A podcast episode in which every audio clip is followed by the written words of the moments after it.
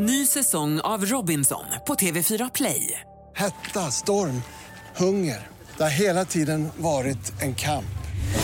Nu är det blod och tårar. Fan händer just nu. Det. Detta är inte okej. Robinson 2024, nu fucking kör vi!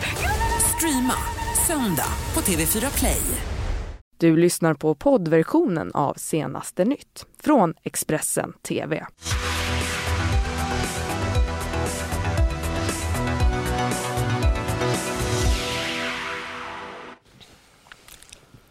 God morgon och välkommen till senaste nytt med Ylva och mig denna måndag. Vi börjar direkt va, och tar en titt på våra huvudrubriker. Ja, det gör vi. Idag avgörs det. Kommer Sverige bli vinter-OS-värd 2026 eller inte? Och Erdogan förlorar makten över landets ekonomiska centrum efter borgmästarvalet i Istanbul igår. Svenska damerna upp mot Kanada i åttondelsfinalen i fotbolls-VM idag. Mm, men vi börjar utrikes och med att konstatera att det varit en kraftig jordbävning i Indonesien. Den här jordbävningen ägde rum strax före klockan fem svensk tid nu på morgonen. Det rapporterar Reuters. Mm, och det är eh, Tanimbaröarna i Bandahavet som har drabbats av den här jordbävningen som uppmäter en magnitud på 7,3. Enligt den amerikanska myndigheten USG så ligger jordbävningens epicentrum 288 kilometer nordväst om Saumlaki som är en ort på en av de här öarna. En rad mindre jordbävningar av magnituden 4,5 till 5,1 på Richterskalan har inträffat på Papao, ehm, den indonesiska delen av Nya Guineaön. Och mer om det här i våra kommande sändningar under morgonen och naturligtvis på Expressen.se. Så till dagens stora fokus. För idag avgörs det om det blir Sverige eller Italien som kommer stå värdland för vinter-OS och Paralympics 2026. Ja, och det som ligger Sverige i fatet är uppfattningen att det inte finns lika stort folkligt och politiskt stöd i Sverige för de här tävlingarna. Stockholm och Åre backas av 47 procent av svenskarna enligt en undersökning som Novus gjort för Sveriges Radio. Det här kan man jämföra med italienska siffror där Milano och Cortina stöttas av 80 procent. Mm. Stockholms stad står inte heller bakom försöken att få hit vinter-OS politiskt och eh, OS-kommittén försöker nu in i det sista visa upp en enad front och bland andra statsministern och delar av kungafamiljen är på plats i huvudstaden Lausanne för att ge tyngd åt Sveriges ansökan. Mm, och med det ska vi lyssna på kulturminister, eh, kultur och demokratiminister Amanda Lind om vad hon ser för risker med ett svenskt vinter-OS. Nej, men den nya modellen bygger ju på att det offentliga inte går in med varken förlusttäckning eller drift av själva spelen utan det är internationella olympiska och Sverige Sverige, svenska olympiska kommittén som, som står för detta och, och, det känns bra. Vi ska stå för den yttre säkerheten som vi gör vid alla idrottsevenemang och såklart eh, stötta att arrangemanget kommer till Sverige och jag tror det vore väldigt eh, positivt om det gjorde det. Hur stora ekonomiska åtaganden ska staten göra tycker du i det här? Nej, vi ska inte göra några åtaganden alls vad gäller till exempel förlusttäckning eller drift av spelen. Sen kostnader som handlar om polisen och säkerhetspolisens arbete och tullen. Det är klart det är en viss kostnad behäftat med det men det är det vid alla större idrottsevenemang. Och skulle vi få, få OS och visa att vi kan göra det på ett nytt och smart sätt, ja, men då lägger vi också en grund för hur andra länder än kanske de större auktoritära diktaturer har möjlighet att eh, driva olympiska spel. Och det tror jag också är viktigt för framtiden. Mm. Kultur och sportministern, idrottsministern Amanda Lind står ju tillsammans med regeringen bakom den här ansökan. Men i Botkyrka kommun i Stockholms län så råder det dock delade meningar om skidstadion som kan upprättas där i Tullinge. Anders Thorén, partiledare för Tullingepartiet, är emot och ser hellre att det byggs bostäder än en skidarena. Till syvende och sist så brukar det ju bli kommunerna som får stå med Svarte Petter. Det har ju aldrig hänt egentligen att något sånt här OS har lönat sig för en enskild kommun eller en enskild stad. Och jag tror inte att det kan bli annorlunda nu. Det är det ena. Det andra är att det området som man planerar att ta i bruk för OS Det är egentligen ett, idag ett friluftsområde och det finns ett nedlagt, eller ett, ett gruvstag som man håller på att lägga ihop. Man håller på att lägga ner det, det avslutas. Och det området tycker vi, istället för att det ska vara en kortvarig glädje under 14 dagar, tre veckor, ska kunna glädja många i decennier. Men då blev det istället, skulle det istället bli bostäder där istället för då något skidstadion som skulle användas tre veckor per år, eller tre veckor per OS ungefär. Mm, som sagt, det hela avgörs ikväll. Och det är inte första gången som Sverige försöker bli värdland för OS, Ylva. Nej, eh, vi ska nu kika på en tillbakablick av förlorade omröstningar som vi har lämnat efter oss. Sverige har endast stått huvudvärd för en enda olympiad och det var sommarolympiaden i Stockholm 1912. Sedan dess har man försökt många gånger att få den olympiska elden till Sverige men inte lyckats. Här är de sju senaste gångerna Sverige har försökt att få i OS. Samtliga gånger så har man misslyckats. 1984 var ett försök när eh, SOK ville få Göteborg som värd till eh, vinter-OS 1984. Då blev man trea i omröstningen. Istället så var det Sarajevo som fick arrangera spelen där bland annat Thomas Wassberg tog ett guld i spåren.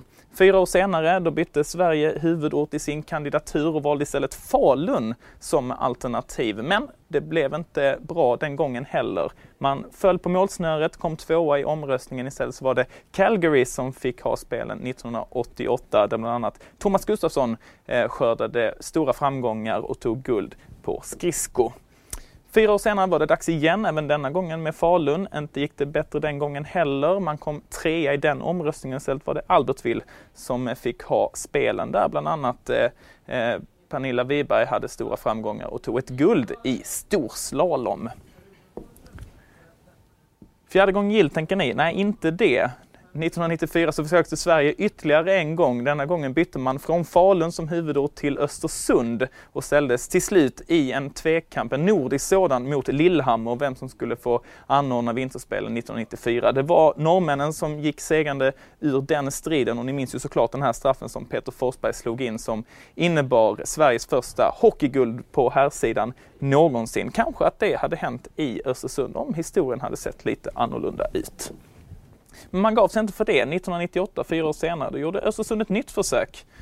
Men kom trea och fick inte spelen då heller. Istället var det Nagano som eh, fick eh, ha vinter-OS i Japan. Inte blev det bra för det för svensk del. Inga guld alls under det mästerskapet.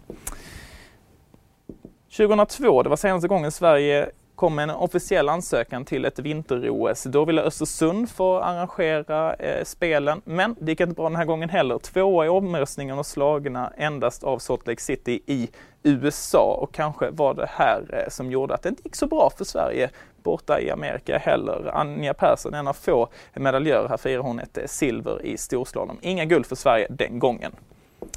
Två år senare, det var då Sverige hade sin allra senaste ansökan för ett OS. Då var det sommar-OS som gällde och Stockholm var huvudalternativet. Man gjorde en stor kampanj men lyckades ändå inte att vinna, kom fyra i omröstningen bland sex olika städer där Aten, en klassisk OS-stad, istället fick eh, eh, möjligheten och chansen och äran att arrangera sommar-OS 2024. Här ser ni Carolina Klüft fira sitt sjukampsguld där eh, Sverige tog sammanlagt fyra stycken eh, guldmedaljer under dessa OS.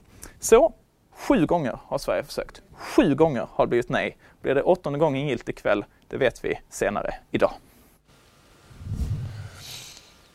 Mm, så lämnar vi OS för en liten stund. Senaste nytt kommer ju präglas av det här. Bland annat blir det presskonferens och sen så håller ju Sverige sin sista slutpresentation idag också för att eh, göra eh, sitt yttersta för att få de här tävlingarna. Och klockan 18 ikväll så får vi beskedet om hur det blir. Mm. Ja, men med det ska vi gå vidare i sändningen. Ja. Och så ska det istället handla om Protesterna i Tbilisi i Georgien som nu går in på sin femte dag. I natt så samlades tusentals demonstranter utanför parlamentet och ett av kraven är att regeringen tydligt ska ta avstånd ifrån Ryssland. Ja, demonstranterna befarar att Georgien kommer sluta att närma sig EU och Nato och då kommer det vara enkelt för Ryssland att infiltrera makten i landet mer och mer. Men det är en svår balansgång för den georgiska regeringen även om eh, de diplomatiska relationerna mellan länderna i stort sett inte existerar sedan 2008 så är till exempel den georgiska turistnäringen direkt beroende av Ryssland. Under förra året besökte över 1,5 miljoner ryssar landet. Så till Turkiet och det mycket uppmärksammade borgmästarvalet där, Ylva. Ja, och det blev ju eh, så att president Erdogans parti AKP förlorade ju faktiskt det här valet i Istanbul som är landets största stad igår. Och detta efter att själv ha krävt omval när oppositionen i våras vann samma val. Och det här resultatet det ses nu som ett tecken på presidentens sinande makt i landet. Det här är början för slutet för Erdogan, så tolkar jag det. Ja, bakslaget för Turkiets president Erdogan blev hårt när oppositionen vann Istanbuls borgmästarval. Sizler Türkiye'nin demokrasi itibarını tüm dünyanın gözleri önünde korudunuz. När 90 procent av rösterna i valet var räknade visade en klar majoritet att CHPs Ekrem Imamoglu var ny borgmästare. Då erkände sig AKPs kandidat besegrad. Men Imamoglu sträckte ändå ut en hand till presidenten i sitt segertal. Sizinle uyum içerisinde çalışmaya hazırım ve buna talibim. Imamoglu vann borgmästarvalet redan i våras men Erdogan och hans parti vägrade då att acceptera resultatet och krävde ett omval. Att AKP nu förlorar makten i Istanbul är ett tungt nederlag för dem. Erdogan själv brukar ju säga att den som vinner Istanbul får bestämma över Turkiet. Den som inte har Istanbul ska inte bestämma över Turkiet. Så det är hans första mantra i 25 år snart.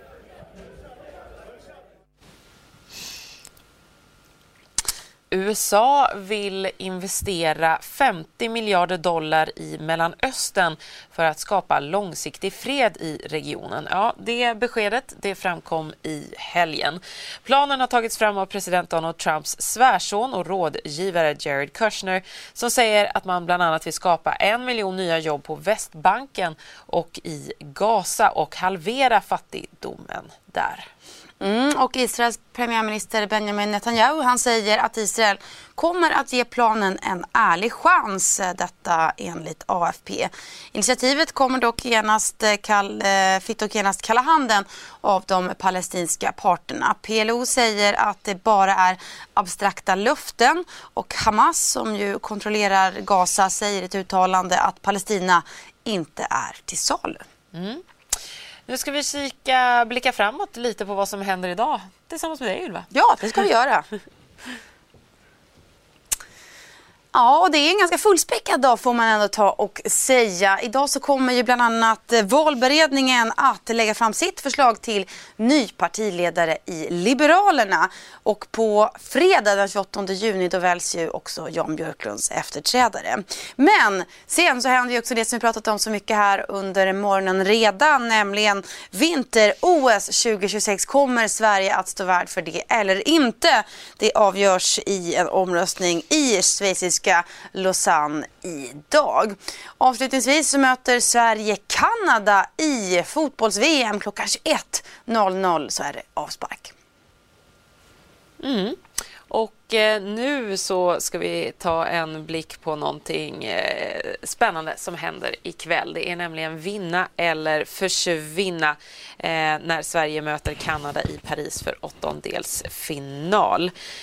Vid vinst väntar Tyskland i kvartsfinal. Hör våra utsända på plats i Frankrike här, Frida Olsson och Therese Strömberg, om motståndet som väntar Sverige och kanske särskilt då superstjärnan Christine Sinclair. Hur rädda ska Sverige vara för henne? Rädda. Nej.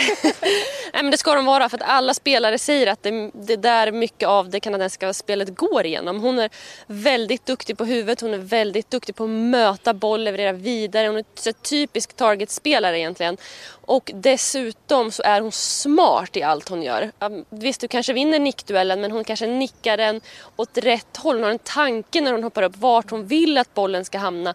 Hon är lurig i straffområdet. Det, det är ett riktigt, riktigt hot och det känns ändå som att de svenska spelarna är medvetna om det alltså så pass medvetna om det och att man har jobbat eh, mycket med det för det kommer krävas.